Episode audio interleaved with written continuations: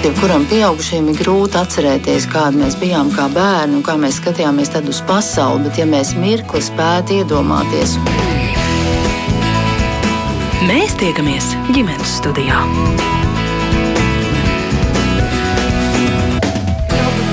Labdien! Mani sauc Mārcis Noteņa, un pagājušo nedēļu pārliecinājos, ka āra bērnu dārzs tā jau ir realitāte arī Latvijā.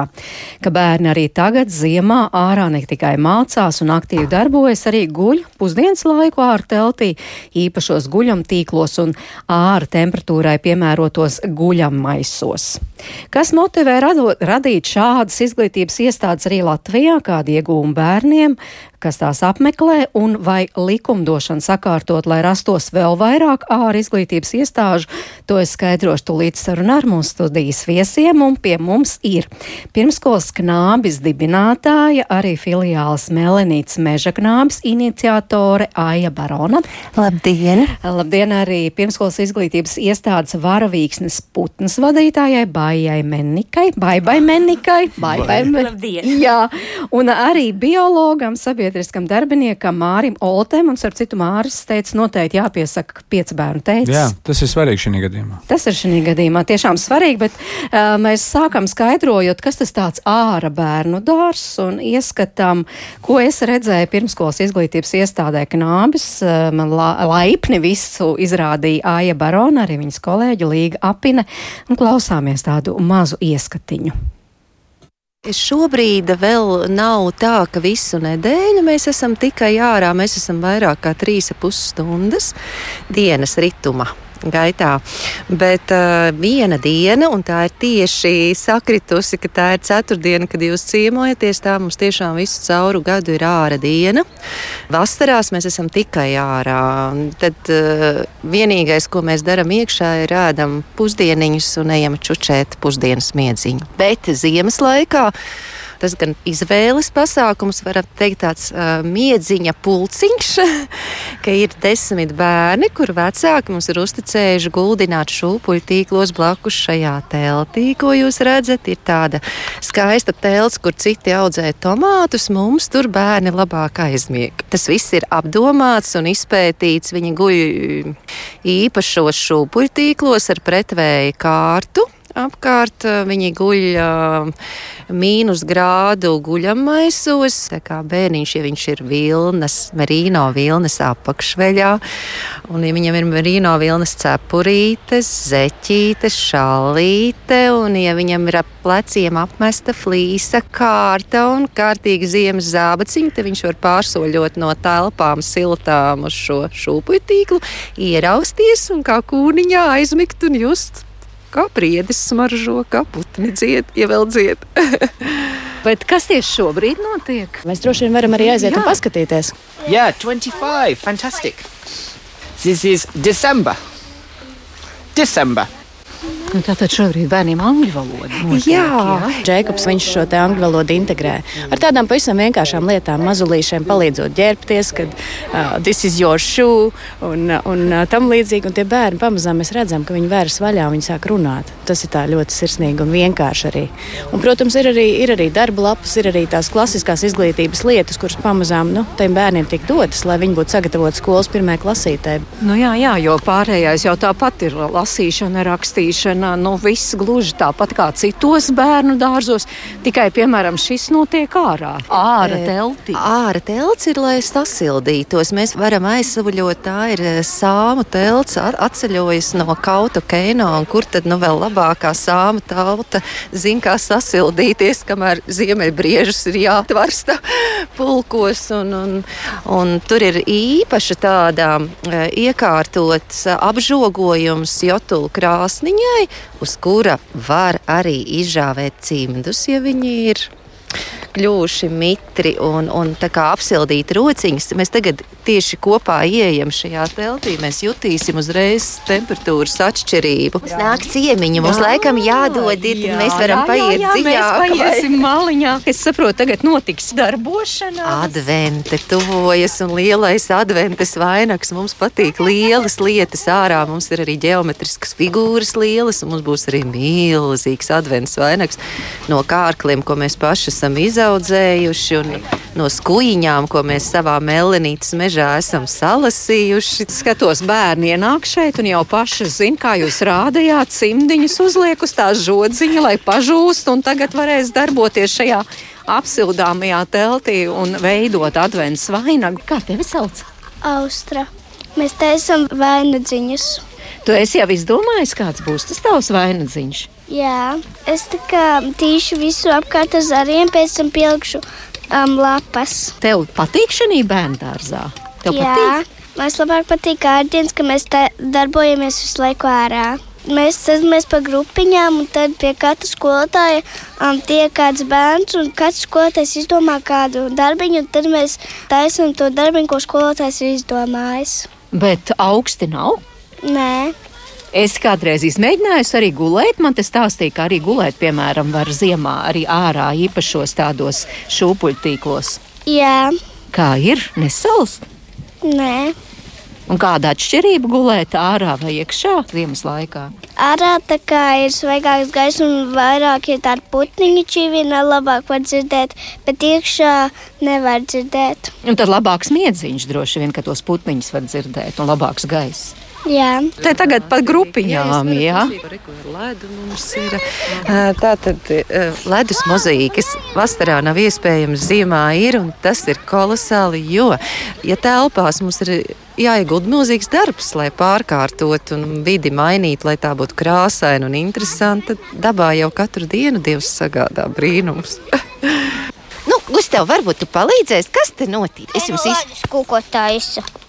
No ledus gabaliņiem, jā. Un ko tu esi uztaisījis? Es tagad neko neesmu, neesmu vēl izdomājis, ko taisu. Domāšanas procesā mēs esam, bet ja mājās man mamma ir nopirkusi puzlīti no papīra, vai tad puzli nevar veidot arī no ledus? Suns jau rekur ir iznācis. Jā, Vau. Katiņu atnāc, ko tu atnesi katiņu? Tas bija likts par kas? Pie Jurija, bet ko tu tur darīji? Tev bija āmurs! Īsts āmurs tev bija? Jā. Un kas tās maziņās ir tādas četras? Nāklas. Naglas, tu patiesi tās naglas, jo es skatos, tev tāds koka gabaliņš ir rokā un naglas ir iesis. Kas iesita tās naglas kokā? Mm, Kate? Nē, Jurijs. jā. Jurijs tev palīdzēja šorīt. Cik tev gadi? Trīs. Nu, tu jau esi liela. Tas nozīmē, ja tu šodien ar Juriju kopā, tad tu rīt noteikti pati varēsi, vai ne? Redz, cik daudz ko var darīt. Tiešām, un te ir bērni pa tādām mazām grupiņām, un katrs nodarbojas. Tēma ir sniegs, jā, ir uzrakstīta. Jā, Tu jau arī vari pamēģināt un rakstīt. Reku, te ir tādi paklājiņi, un paklājiņi var ir īpaši iekštelpās. Mums ir no koku vilnas diegiem. Tad šeit mēs varam izmantot to, kas dabā, daba ir jātīra no plastmasas. Un tad, kad tu savāksi mežā to, kam tur nav jābūt, tad tu pēc tam vari noaust paklājs, jo tas atkal ārā vidē ir piemērots uz plasmas paklājiņiem, kuri nesamirkst. Strādāt, nolikt tāfeli, blakus krītiņu uz vienas tāfeles skolotājs rakstītiem burtiņiem skaisti uzrakst kādu vārdu, ko tu varbūt vari šodien pamanīt. Šodien sniegu, rīt saules puķi.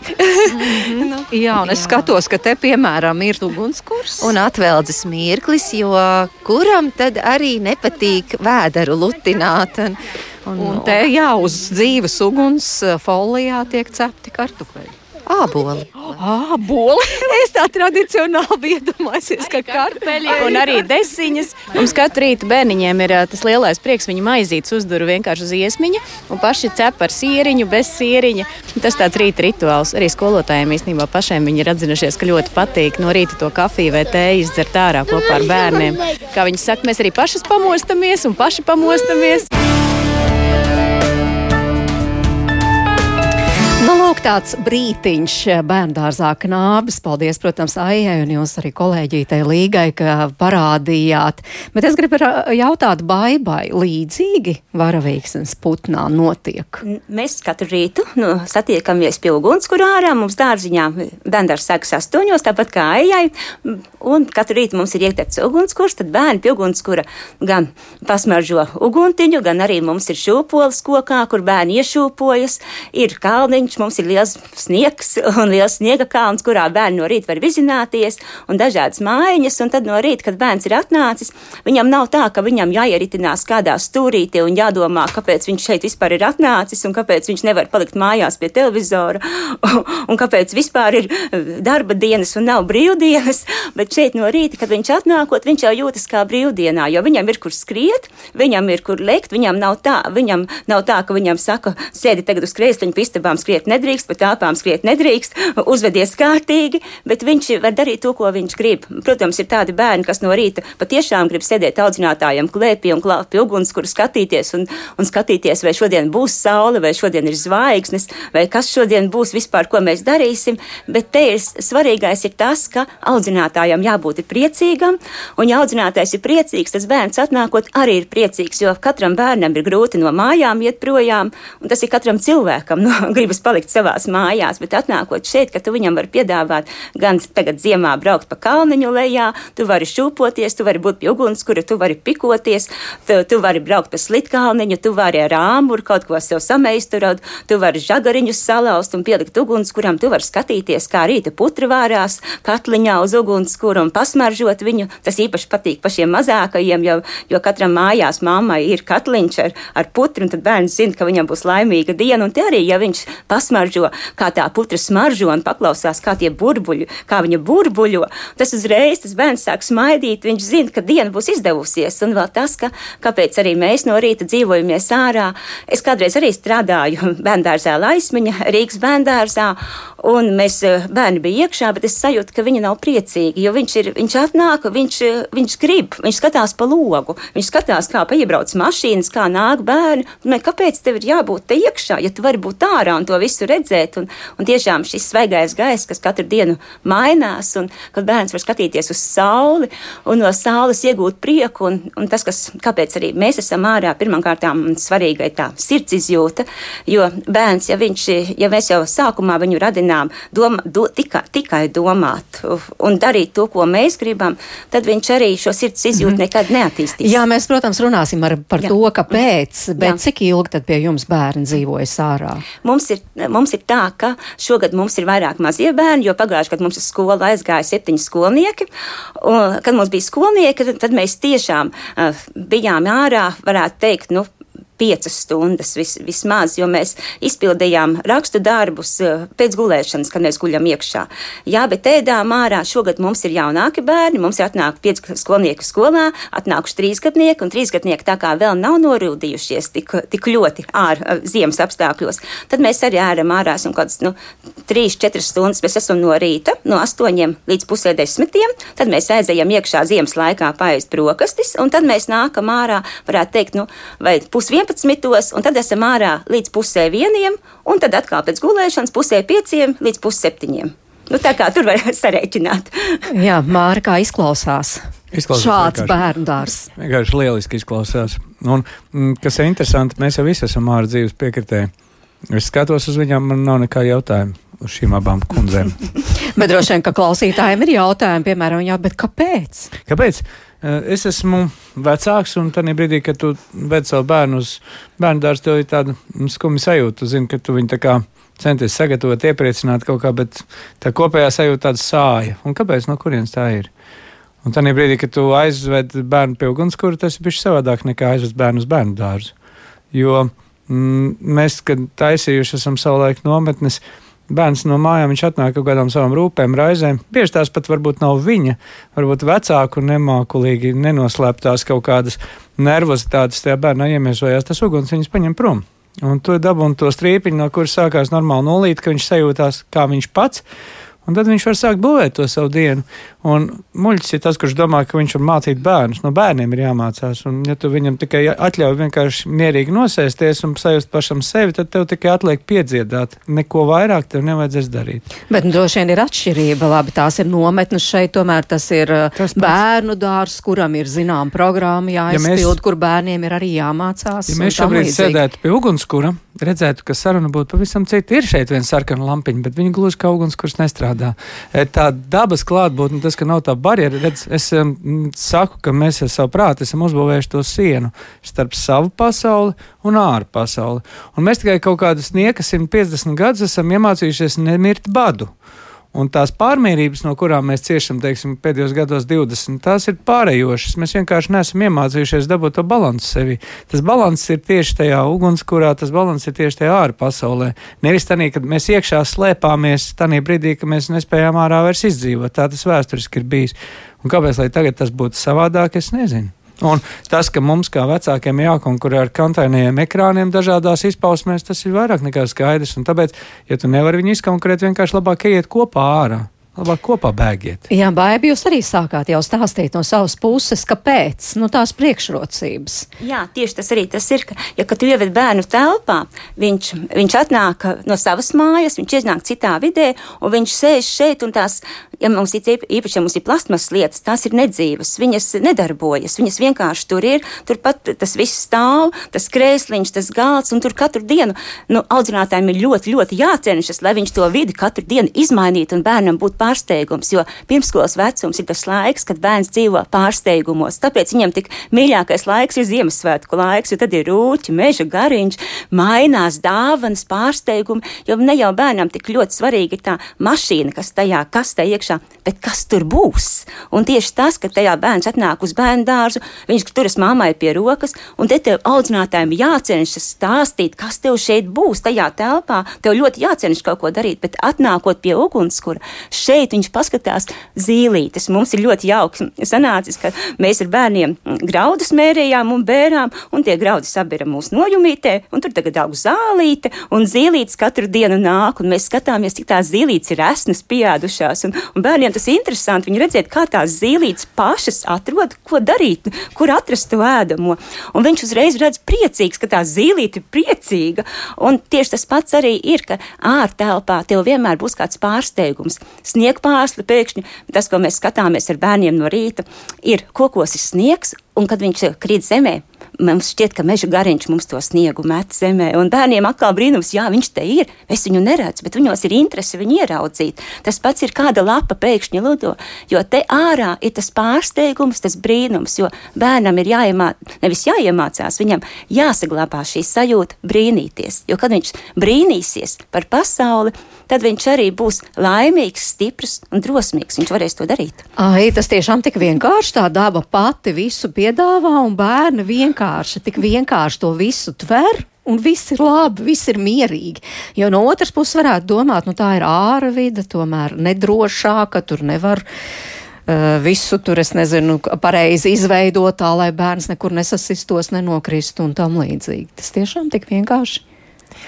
Manuprāt, ar bērniem ir tikai vienkārši, ir tikai daži priekšnosacījumi. Esi tuvu, esi ieinteresēts, esi mierpilns, neskrien, esi lēns, pamani un atbalsti. Daba ir bezgalīgi skaista un brīnumiem bagāta. Un, tā pamanīt spēja aizrauga kā mazos, tā pieaugušos. Nekad tā nav bijis, kad nodarbība ir izplānota un ka notiek tieši tas, ko tu esi izplānojis. Jo katru dienu notiek kaut kas pilnīgi jauns, un, un tajā būt ne par velti arī mēs kā pieaugušie Vai nav tā, ka sēžot arī šeit studijā, mums jau kaut kur šeit pakausī ir doma, kad es atkal varēšu būt ārā un atpūsties, un, un redzat, mums sakrīt, mēs pedagogi ārā bērndārzos varam būt kā brīvdienās, tāpat kā Baiba minēja par bērniem, tad mēs arī tieši tikpat skaisti un labi varam justies un faktiski iemācīt visu to pašu, ko telpās, jo arī ārā ir formas, ir ģeometrija, ir fizikas likumi. Tev nav ne nepieciešamas grāmatas. Tu vari aptaustīt bērnu dabā, tu viņu vari izmērīt. Tu vari uzrakstīt tā vārdu, tu vari rakstīt sniegā, tu vari rakstīt smiltīs. Tad, kad ir sausi akmentiņi, tu vari leikanu, var izliet burta formu Bet bērniem tas ir jēgpilnāk tā mācīties, jo arī, piemēram, paskatījos, jūs arī rosinājat paskatīties skolu 20, 30, un jau arī runā, ka, piemēram, sākuma skolā arī vajadzētu vairāk iet ārā, un, un tad tur ir vesela rinda, es pat izkopēju, manuprāt, tur visādas priekšrocības, jo kas tik nav tur labāka rezultāta mācību priekšmetu apguvē, labāka mācīšanās, vieglāk koncentrēties un, un tā tālāk un tā joprojām. Skolai 2030 ir ārkārtīgi labi uzstādīti mērķi. Es vienmēr domāju, kas ir tas, kas mums ir nākamais solis. Mēs esam izdarījuši jau valstī daudz. Šobrīd, man liek, manuprāt, ir divas, uh, atris, divi atrisināmi jautājumi pedagoģu labizjūta, līdz ar to arī bērnu labizjūta un sagatavota vide. Ja jūs vaicātu, vai sagatavot vidi ir vieglāk iekšā vai ārā, es atbildētu, ka ārā viņi ir daudz bagātāk. Un otrkārt, mēs varētu aizdomāties līdz tam, ka vide var būt vienota. Ja ir atvērtas durvis gan ziemā, gan vasarā, tad šī ir vienota mācību klase. Bet bērni tad veiksmīgāk tiešām arī mācās ārā. Īstas lietas mūs interesē daudz vairāk. Uh, lielu koku, uh, nu jā, ja mēs būtu botāniskā dārzā, mēs varbūt piedzīvotu kādu banānu ķekaru īstā jā, kokā, bet, uh, bet es, mēs esam arī darījuši tā, kad mēs novācām rudenī ražu, paši savu gan vīnogas, katrs bērns vienam bija pilns spainis ar vīnogām, vienam ar gurķiem, pašu sēti, pašu izaudzēti, pašu novākt, tad es ļāvu vienreiz ienest telpā. Tad gan tā telpa attaisnojās, viņiem likās, vai tiešām var nest tās kastes ar āboliem. Un tad mums bija milzīgs prieks un milzīgi tā, nu, tā aptvere, kāda ir mūsu pašu izaudzētā raža bet uh, ārā ir daudz bagātāks iespējas, un otrkārt, tur ir daudz vairāk telpas. Ja mēs runājam par to labizjūtu, par mieru, nu nav mums jārēķina ne tie divi atļautie kvadrātmetri ārā bērndārzam, ne tie trīs bērnam, jā, arī pieaugušajam ir vajadzīga telpa, jo ir jau arī tie mazie kreņķīši, un cilvēkam vajag telpu, lai viņš labi justos. Un, ja es gribēšu, es pienākšu tev mazliet tuvāk, ja es gribēšu, es aiziešu mazliet tālāk, un varbūt man iekšēji ir jāizskrien kāds lokus, un tad es atkal atgriezīšos un ar tevi parunāšu kopā. Nu, tā jau pedagogs saka, tas ļoti cieši saistīts, kā bērns jūtas un, piemēram, pēc tam, cik labi mācās. Nu, piemēram. Ne, nu, mums bija arī viens tāds kvalitatīvs atspērienu brīdis, kad um, taisījām ārā dzīvi bērnu dārza konferenci pirms nedēļām, trijām, laikam, sanāca. Un arī domāju, nu, kā tas būs, kā tas būs. Redzēt, šobrīd Latvijā daudzām lietām mēs pa jaunu, ja neizdomājam, tad atceramies. Un iepriekš ir bijuši savu celmlauži, kas jau 2009. gadā teica, kas skatījušies uz Britiem, uz Skotiem, uz Japāņiem, uz Zviedriem. Tikai vienā brīdī kaut kā pielec, un šobrīd ir tā, ka uz konferences, kad domāju, kad atnāks kāds simts pedagoģi, atnāca 300. Un visiem interesē, un, un tā kā man runātu pēc tam, jā, mums paziņa bija, un mēs arī gribējām braukt. Tā interese šķiet, ka šobrīd ir tāda, ka mēs vairs nedrīkstam to ignorēt. Un tie 14. jūlija noteikumi, ar kuriem tur kaut kas tika pamainīts attiecībā uz to higienu, ka tu drīkst ārā dzīvoties, ir iedoši ļoti daudz labas tādas iedīgļas. Un no mana viedokļa es redzu, ka tam bērnam, nu, tur bija jautājums, kā tiem daudzoņām.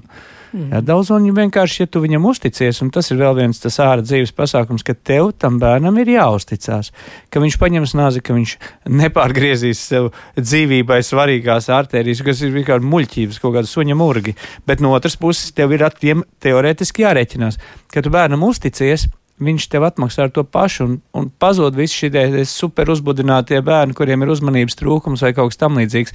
Viņi tā daba paņem vienkārši to lieko nost un, un, un smuki dabūna adekvātu bērnu, kuram kaut ko var iemācīt. Nu, jā, un tiešām Jā, jā. iemācīt ar nazi rīkoties, vai, piemēram, kā mēs te dzirdējām, iera, ierakstā ar āmuru un mm. ar tam līdzīgām lietām. Jā, Mārs pieminēja tiešām te sāsināja šo uzmanību uz šo āra pedagoģiju, uh, Ziemeļa Eiropiešu brīvdevas pedagoģijas entuziastu konference. Un tur tas skats bija uz Norvēģiju. Norvēģijā tas viss ir daudz jau pierastāk, zināmāk, viņi ir gājuši daudz tālāk uz priekšu. Kas tur ir citādāk? Jūs šobrīd raksturojat, kas šeit ir Latvijā. Kas tur jau ir citādāk? Um, tur ir pieredze, tur es domāju, arī ir šī āra kultūra mantota no paudzes paudzē. Norvēģi, ja latvieši dzimst ar dziesmu sirdī, tad norvēģi dzimst ar slēpēm pie kājām, un tiešām tā ir ļoti kustīga, uz veselīgu dzīvesveidu orientēta tauta, un šķiet arī, jāsaka, kopumā priecīgāka. Un atgriežoties atkal dzīvē Latvijā, iekšēji bija tā sajūta, ka šis dzīves prieks, nu, es domāju, ka arī Latvijai viņš tā globāli ir ārkārtīgi vajadzīgs. Un es domāju, ja viņi cilvēki vairāk ies ārā un, un iemīlēs ārā bērnu dārzus, tad ir arī tāda lielāka cerība, ka tauta būs ārkārtīgi priecīga. Es, es aizvakar lasīju, ka dzēniece Ines Zandere nu, patās nākus klājā tīri pēc savas iniciatīvas ar to, ka priecāties ir tikpat būtiski sastāvdaļa labsajūtas kā, kā, kā visas tās pārējās, tur materiālā labklājība, drošība, nē, prieks. Vienkārši pasmieties visiem kopā. Un tie norvēģi kapitāli dancoja, visu to ievēroja. Jā, un zini, es tieši domāju, ka kādas dienas atpakaļ par to dzīves prieku, eh, es domāju, ka tas nav saistīts ar materiālo, tikai ar materiālo labklājību, kā tas ir Norvēģijā tieši par to, ka prieks, jo man nekad prieks nav saistījies tikai ar materiālo labklājību, bet tad, kad es esmu dabā, tad man acis dzirkstīja, un kāds vēl nesen man teica no kolēģiem, tu zini, tu labi izskaties, tu laikam tajā ar to ārā bērnu dārzu. Šobrīd es ļoti saistīta, ka, es, ka tev acis dzirkstīja aiz prieka, nu tur var tikai piekrist Māri, arī es bēdīgi, nekad un vaibu nesmu redzējis. Jā, bet nu, tomēr tie norvēģi Norvēģi jau stāstīja, kā tur Norvēģijā, Baiba, jūs arī klausījāties, kā tur Norvēģijā notiek. Mēģinājām kaut kā ieskicēt, kā te Latvijā, bet kā tur Norvēģijā. Nu, varbūt tomēr Rāja labāk pastāstīs, jo es toreiz nebiju ceļojumā pati līdz praktiski Norvēģijā. Ja? Tāpēc eh, tas, kas man eh, uzrunāja, ir tas tā brīvība ka, ka bērniem šī ir tā brīvība dota, jo manā skatījumā tiešām šis prieks rodas tad, kad tu jūties brīvs, kad tu neesi brīvs, tu nevari darīt, ko tev vajag, bet tas, kas tev jādara, tad tu vairs neesi brīvs. Un vēl kas mani tā uzrunāja lūdzu no, no šī Norvēģa stāstījuma, ka bērnam dzīvojot dabā, ārā bērndārzā ir iespēja iziet cauri visam gada ciklam un redzēt, redzēt gan kā tas, tā sēkliņa tiek iesēta, kā viņa pa ziemu guļ, kā viņa pavasarī aug, kā viņa rodas un kā mēs galu rezultātā rezultātā šos augļus iegūstam un katlā ieliekam, un tas atkal atgriežas pie mums. Un man šis, šis jautājums ļoti svarīgs arī manā bērngārzā, jo atnāk bērni, kas nēda visus ēdienus. Bet tajā brīdī, kad bērns pats viņu ir sējis, pats stādījis, pats laistījis, pats par viņu rūpējies, un pēc tam pats arī ugunskura sakurinājis un ielicis katlā, un tad viņš viņu ēd.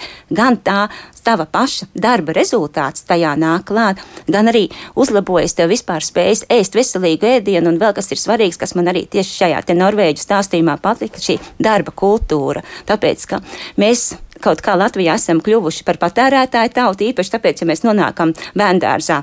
Iekšā audzinātājs visu materiālus sagatavojuši, tagad, protams, skolā 2030 viss mainās, bet tomēr bērnam sagatavots viņš dara, bet šeit ārā bērngārzā bērns ir darītājs. Viņam nebūs tas ugunskurs, ja viņš nesa, nevāks to malku, ja viņš nesalauzīs.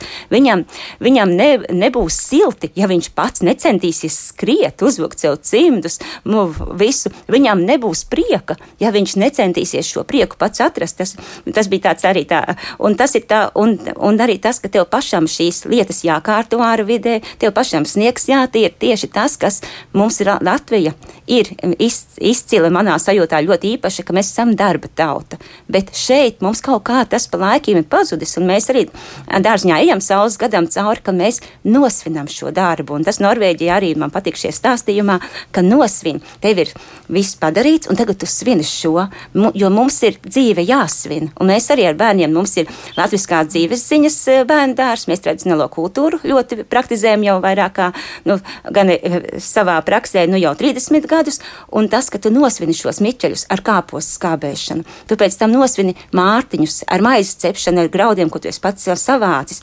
Pēc tam tu nosvini Ziemassvētkus, un tas, ka tu dzīvi svini, bet tu svini darbu, jo tu viņu dari. Jā, nu te jau jūs raksturojat, cik dažādi var vispār tie ārā bērnu dārzi būt. Viena lieta, protams, mācīties, bet tur var gan dobas, gan audzēt, gan veidot, gan, nu, es nezinu, visādus. Rūpēties es, es, par dzīvnieciņiem. Jā, rūpēties par Jā, dzīvnieciņiem. par Starp citu, arī tāda filmiņa ir ļoti labi arī tapus, kā tur Norvēģijā, ka, piemēram, tas ir kā blakus fermai, kur tiešām arī par dzīvniekiem reāli rūpējas. Ai, vai Kā to, kā to ziņā. filmu atrast? Kā to filmu atrast, var, ja cilvēkiem Jā, jā, varbūt. Uh, Droši var ā, apskatīties ā, Facebook mājaslapā Zaļais sirds izglītībai. Tur ir arī ievietota saita, bet YouTube. Es domāju, ja jūs ierakstīsiet dabas bērnu dārzu, tad jūs nonāksiet līdz vēlamajam rezultātam. Un es atgādinu klausītājiem, tātad pie mums šodien studijā trīs viesi, kuri visi pārstāv asociāciju Zaļais sirds izglītībai, proti pirmskolas knābis dibinātāja Aija Barona, pirmskolas iestādes varavīksnes putns uh, vadītāja Baiba Mennika un arī biologs, arī sabiedriskais darbinieks Māra Solte.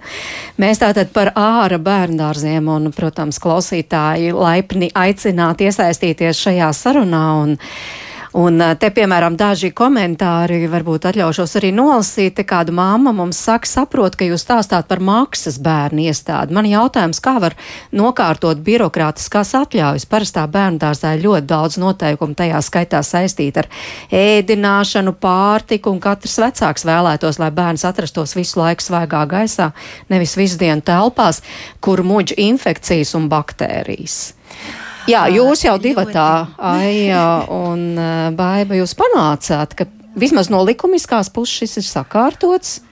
Jā, un ja mēs aizdomājam, aizdomājamies pašvaldības dārziņu vē, par vēsturi un to, cik tā ir sena, tad uh, paralēli mēs varam aizdomāties līdz tam, cik seni ir koki katrā pašvaldības bērndārs teritorijā. Atliek tikai paskatīties uz augšu, eh, nobērt zemes kaudzi eh, teritorijā uz zemes, lai bērni var ierakties ar abām rokām, abām kājām un tad nodrošināt, lai pēc tam iekšā ejot var rokas nomazgāt, bet jūs jau ieraudzīsiet bērnu prieku. Jo uh, tas bija viens no lielākajiem notikumiem, kādā rudenī Norvēģijas bērngārzā atveda zemes kaudzi. Tas nenozīmē, ka pēc tam viņu nevar sadalīt pa dobēm, bet tas notikums vienkārši mm -hmm. domā tajā virzienā, ka nav jāiegulda daudz.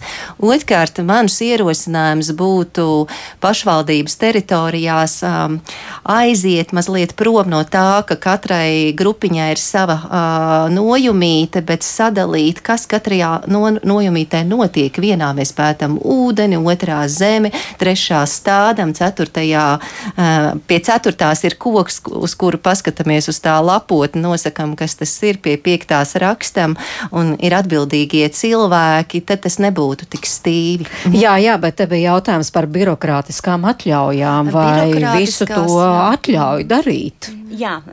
Pateicoties tie, tiešām veselības ministrijas un veselības inspekcijas izpratnei un pretim nākšanai, ir tagad 890 noteikumi, ministra kabineta noteikumi ir pamainīti, un tajos ir oficiāli minēts šāds te ārtelpu pakalpojums.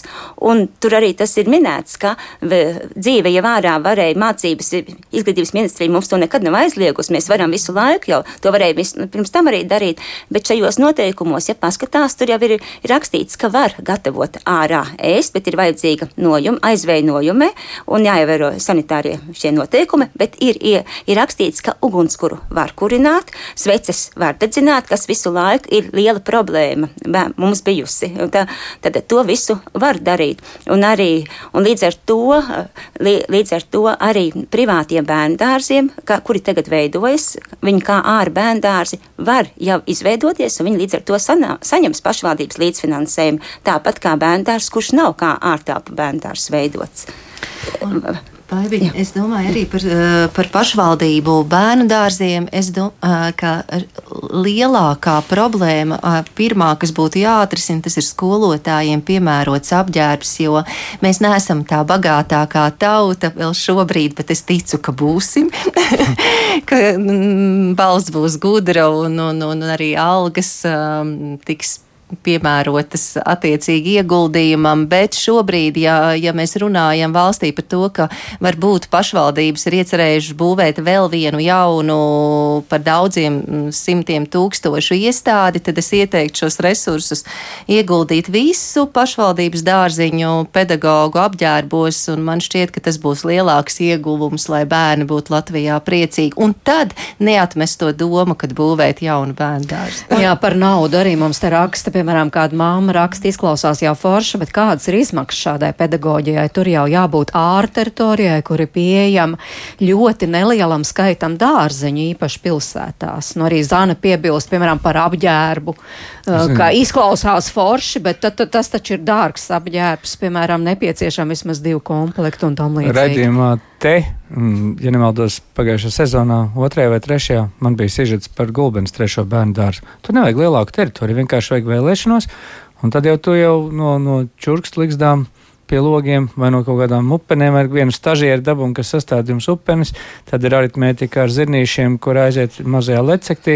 Vecāki jau vienmēr ļoti pretīm nākoši ir. Un es arī kā vecāks, ja man pateikt, ka man vajag būtu nepieciešams to darīt, tas būtu brīnišķīgi. Un savulaik, es zinu, Dānijā man bija tāda pieredze, ka tur mm, sociālajās mājās, kuras sanāk sauc par pansionātiem, tur arī vecāki gadgājumi cilvēkiem ļauj būt priecīgiem, ka tur ir vecie darbarīki, vecās lietas, vecās šķirnes, kas arī šobrīd Latvijā ļoti būtiski, lai būtu, kuras ir mūsu paša vecās, vecie zirņi, vecās pupiņas, vecās šķirnes, tādas varētu ieintegrēt iekšā tādos bērnu dārzos, ka tie sīki audzē to, kas mums ir sanāk bijis. Tā, tā ir lielāka informācijas apmaiņa, nekā mēs vārdiski varam varam ietērpt to, ka, ja tā pupa, ko vecmāmiņa stādījusi tajā, tajā paudzē, nāk atkal caur to maz, maz bērniņu iekšā, tad tā ir milzīgi svarīga tāda strāva no pagātnes tagad ne un nākotnē. Nu, labi, tas ir pa teritoriju, kā to var apdzīvot. Par Jā. apģērbu, piemēram, kas Apģērbs. ir dārgs. Nu, piekritīsim tiešām, lai nu, šādi nu, uzturētos bērns 5 stundas ārā. Zinu, nu, viņam tu... vajag tur to merino, par ko Aija teica. Tas merino tur bieži vien ir tāda filisīša, pat tāds, kāds baibē virsū. Es, es, tagad, jā, es varētu pas, jā. pasacīt, jā, vienkārši mēs neieskatījāmies vai neieklausījāmies 5 stundas no vietas bērns ziemā. Nav ārā. Viņš ir ārā stundu, pusotru, tad viņš iet iekšā kaut ko padarīt, sasildīties. Viņš jau nav piecas stundas no vietas, jau viņam tāpat jāiet uz toleti, un, un līdz ar to, ma, teiksim, ma, varavīksnes putnā bērniem arī mūsu vecāki nav nekādi situētie, tāpēc, ka mē, mēs esam sapulcējušies cilvēki, kas grib veselīgu dzīvesveidu dzīvot, tie ir daudz bērnu ģimenes, un viņiem apģērbs ir ļoti vienkāršs, bet svarīgs tiešām tas mums, mūsu bērndārzā nav merino veļa bērniem apakšā, viņiem, jā, viņiem ir termoveļa augstā ziemas laikā, bet ir svarīgi viņiem kustēties ārā. Ja ziemā, vasarā nē, vasarā tu vari mierīgi sēdēt, bet ziemā tās darbības, tāpēc no audzinātājiem ir tā iniciatīva vajadzīga mainīt, lai tas bērns sasildījies, pārbaudīt, vai viņam silti. Viņš var iet iekšā sasildīties, viņam nav piecas stundas jābūt ārā. Viņam viena nodara, viena daļa ir iekšā, pēc tam viņš ir atkal ārā.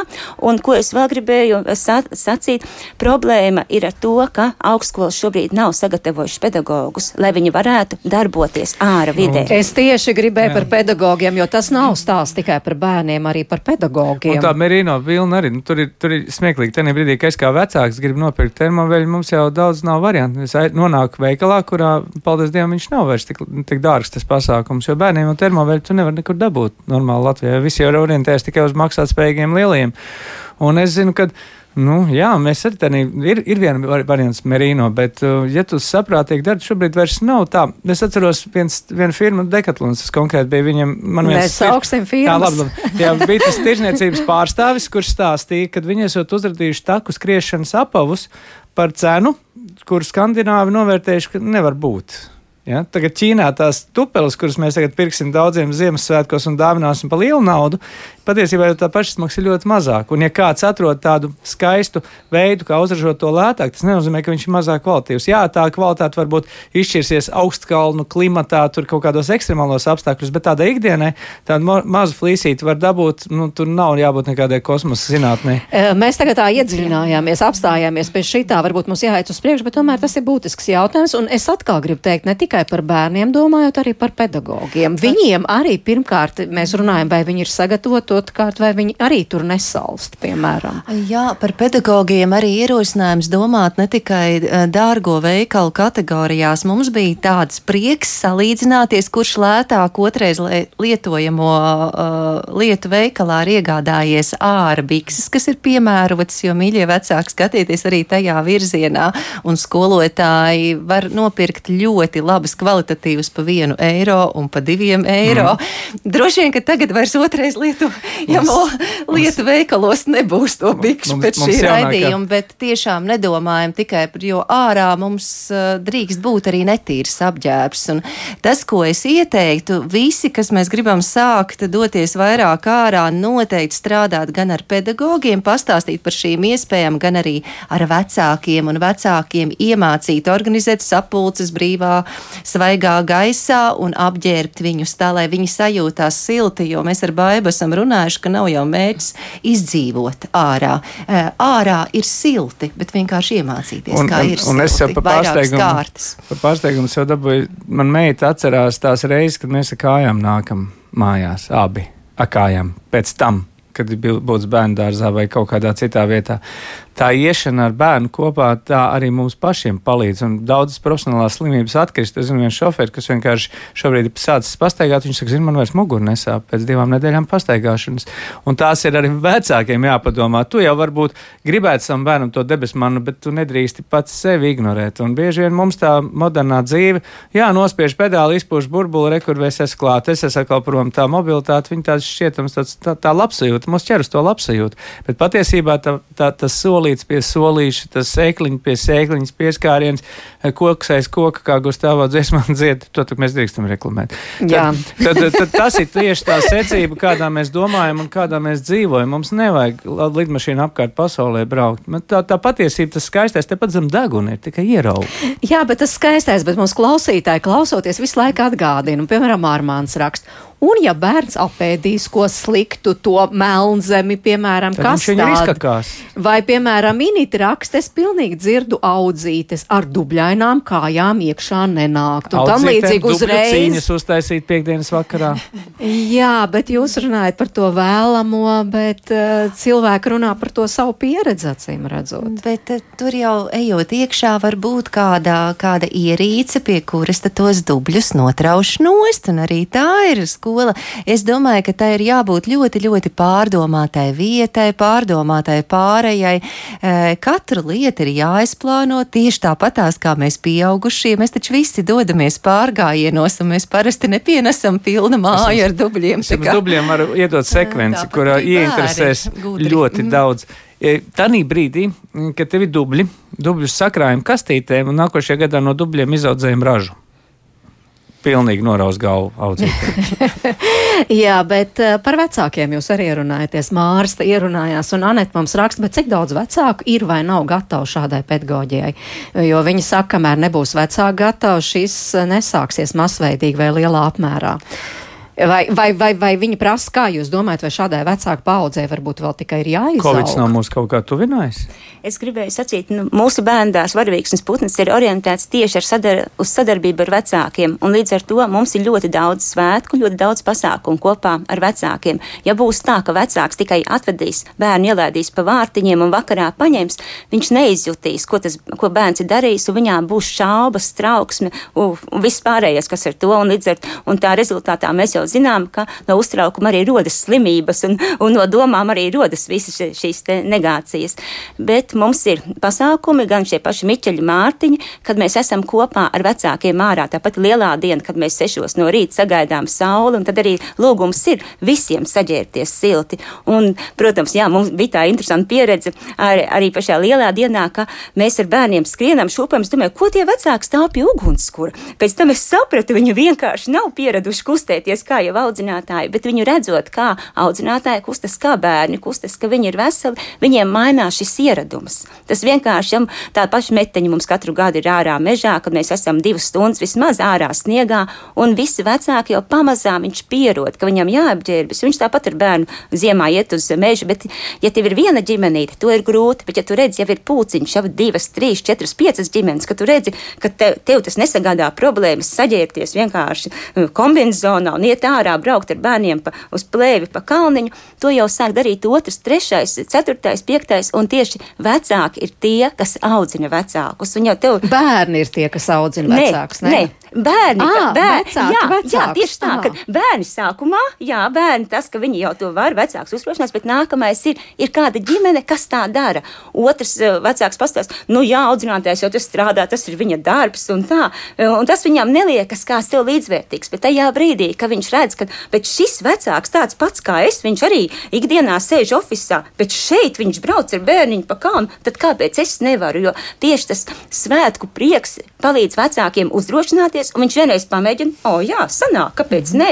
Protams, tas ir jāsāk nevis ziemas vidū izvest vecāku ārā, kas tagad ilgi nosēdējies iekšā, bet sāk to jau pavasarī, vasarā ar jāņiem, pamazām ilgāk, ilgāk jau rudens, un tā tas notiks. Un, protams, arī uz šādu bērndāršu nāk pirmām kārtām atnāk tie vecāki, kas jau tādu dzīvi grib, kur ilgojas, kad viņam tāda nav, bet pārējie pie pavēkas līdzi, jo te ir tas, ka mēs mainām domāšanu. Mēs paši ejam ārpus savas saucamās komforta zonas, bet šeit mēs mainām domāšanu, mēs redzam, kā, bet tā ir labāk, pēc tam es esmu priecīgāks, man ir kaut kāds pārdzīvojums bijis. Man nav bijusi tāda pati svētdiena kā iepriekšējā, kad es sēdēju pie televizora un, un, kritu viens otram uz nerviem. Tā kā te ir vecāki audzina vecākus, un tad arī tas viss, viss notiek. Mm -hmm. Ai, jūs vērojumi tur tā notiek? Ka mainās arī ģimenes dzīvesveids.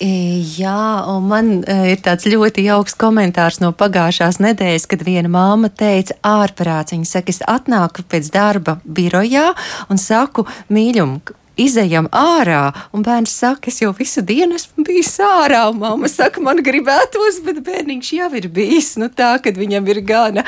Um, bet uh, ar vecākiem ir tā, ka mēs četrus gadus atpakaļ sākām tā intensīvāk pāriet tieši uz ārā vidi, un uh, pamazām stāstot, ir ļoti labi rezultāti arī vecāki tiek uzslavēti, cik viņi labi saģērbušies, ka viņi veda bērnus. Lai gan tas nav mūsu tiešais uzdevums. Jā, no nu, bērna lieliski. Ārmāns klausītājs tomēr grib zināt, kādi ir ilgtermiņa ieguvumi? Nezinu, varbūt domājot par veselību, piemēram, Jā. jo tas ir tāds sāpīgais jautājums daudziem vecākiem. Trīs dienas bērnu dārzā, divas nedēļas slimo, pie jums tā nav. Ir nu, kamēr bērns sākumā ja atnāk trīsgadnieks, kamēr viņš norūdās, tas tā var būt. Un tas citam ir, citam nav. Bet, kad jau viņš ir kā piecgadnieks, sešgadnieks, kad viņam ir tiešām visu vajadzīgs būt bērndārzā, lai viņš sagatavotos skolai, vairs nav. Pagājuši, kad mums bija sešgadnieki, viņi vispār neslimoja. Tad, tad tā imunitāte rodas procesā. Nevis tad, kad viņa pēkšņi vienā dienā būs, ja es visu laiku sēdēšu iekšā, bet viņa rodas, viņa rodas pie tā, ka bērns dažādos laika apstākļos ir ārā. Viņš pats norūdās, tas ir viens šī veselība. Otrs ir tas, ka veselīgs uzturs. Tas arī e, ir tā liela problēma, ka mūsu bērni pieraduši pie burgeriem, cīsiņiem, konfektēm, saldumiem, bet viņi nav pieraduši pie dažāda veida dārzeņiem, dažāda veida veselīgiem produktiem. Un šeit, ja viņš dzīvo ārā, viņa veselība, viņa uzlabojas, viņa ēst grib, tāpēc, ka viņš ir noskrējies. Bet, ja viņš ir nosēdējies, viņam tiešām gribas tikai kādu konfektīti izritināt un apēst. Mm -hmm. Un no prakses arī redzams, ka viņi labāk, viņi daba daba dod viņiem šo iespēju sajust dabu dziļāk un labi, un viņš sāk izvēlēties tiešām kādas konflikts vietā jau dzērveni kaltētu, kādu cidoniju. Man bija tāda ļoti jauka pieredze. Mēs bērniem dāvinām konflikts pušķus izlaidumā, kur bija konflikts iekšā, un bērns saka, bet es gribētu šajā konflikts pušķī, lai būtu cidonija žāvētas iekšā. un tas bija tā, tas, tas, ka tu jau pats laika gaitā, ka tu ar bērniem ārā izej, un tu pēkšņi izvelc šo maisiņu ar, kā, ar tā, kādā kādām skābētām ogām, viņš sāk jau tādā kādā īpašā brīdī pierast pie šīm lietām. Tad veselīgais uzturs nākamais ir, ir tas, ka viņš Viņš vairs eh, nevis, ja tu esi iekšā, eh, tu visu iekārto savu vidi, tā ir tava komforta zona, un tur tu dzīvo. Bet tu nonāc kādā neparedzētā situācijā, tu nezini, kā rīkoties. Tāpēc, ka tu esi pieredzējis sevi uzbūvēt šo vidi, bet daba mainās. Daba tev liek mā, mācīties, pielāgoties, pieskaņoties. Sākumā tu pielāgojies dabai. Jā, mums ir sanācis šodien, kāpēc mums, jā, mēs sanāk mums pusdienās mainīt galdu, kur nest ārā, tāpēc, ka saule ir mainījusies. Mēs vairs nevaram tā rīkoties. Vēl lietus līst, mums, mēs ēdam ārā, zem skaista saulīte sākas lietus, mēs pārkārtojamies. Ja? Tev, tev jāskatās, un tieši tas pats ir, kas mūsu, manā skatījumā, mūsdienās cilvēkiem ir ļoti grūti savstarpējām attiecībām, jo mēs dzīvojam datoru pasaulē, un mēs vairs nemākam komunicēt. Bet šī daba, ka tu mācies komunicēt ar putnu, tu mācies komunicēt uh, ar savu draugu, kuram ir augsti, palīdzēt sasildīties un iziet atšķirt šo komforta zonu savā ikdienā, tas tev palīdz vienkārši būt plašākam, brīvākam, radošākam. Un, un arī līdz ar to es arī tādu mazu tādu piepildīti nu, pastāstīšu, jā, ka mums pagāmā ir meža baloži, kas visu laiku ēd zīles. Un rudenī mēs redzam, viņu vairs nav. Un bēr, mēs ar bērnu runājam, kā viņi varēja aizlidot uz siltajām zemēm no mums neatvadoties.